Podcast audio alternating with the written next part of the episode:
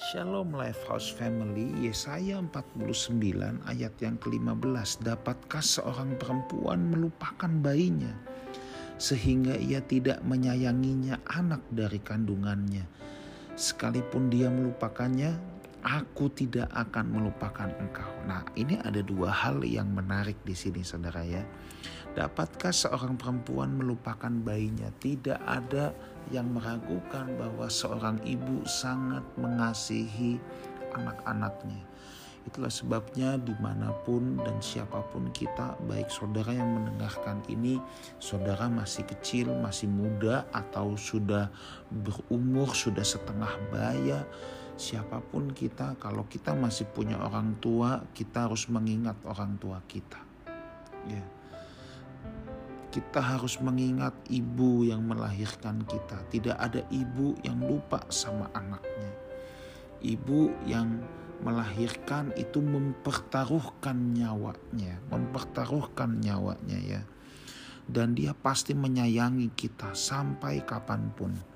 Orang bisa menolak kita tetapi ibu tidak akan menolak kita. Ya tentunya Bapak juga pasti sayang sama anak-anaknya ya.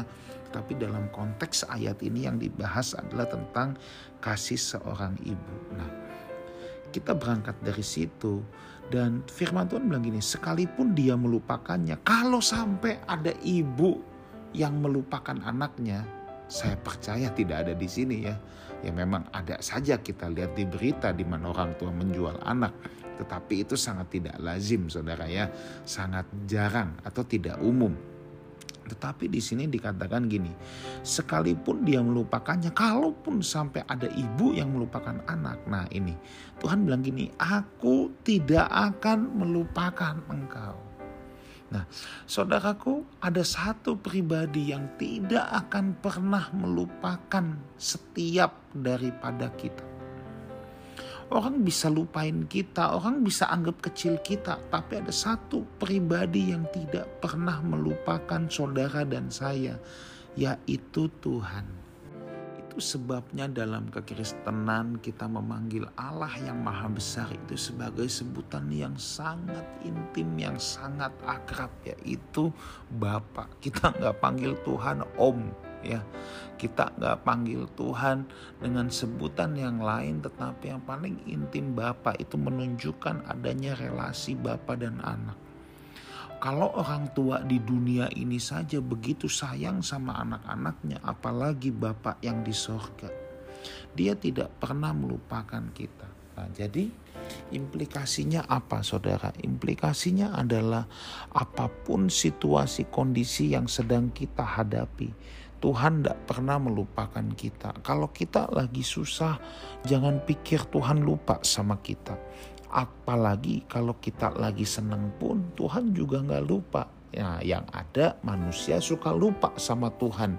Kalau pas susah dia ingat, kalau pas seneng dia tidak ingat. Tapi Tuhan gak pernah lupa sama anak-anaknya. Tuhan gak pernah lupa sama kita. Dalam setiap keadaan hidup kita, nama kita selalu ada di hatinya.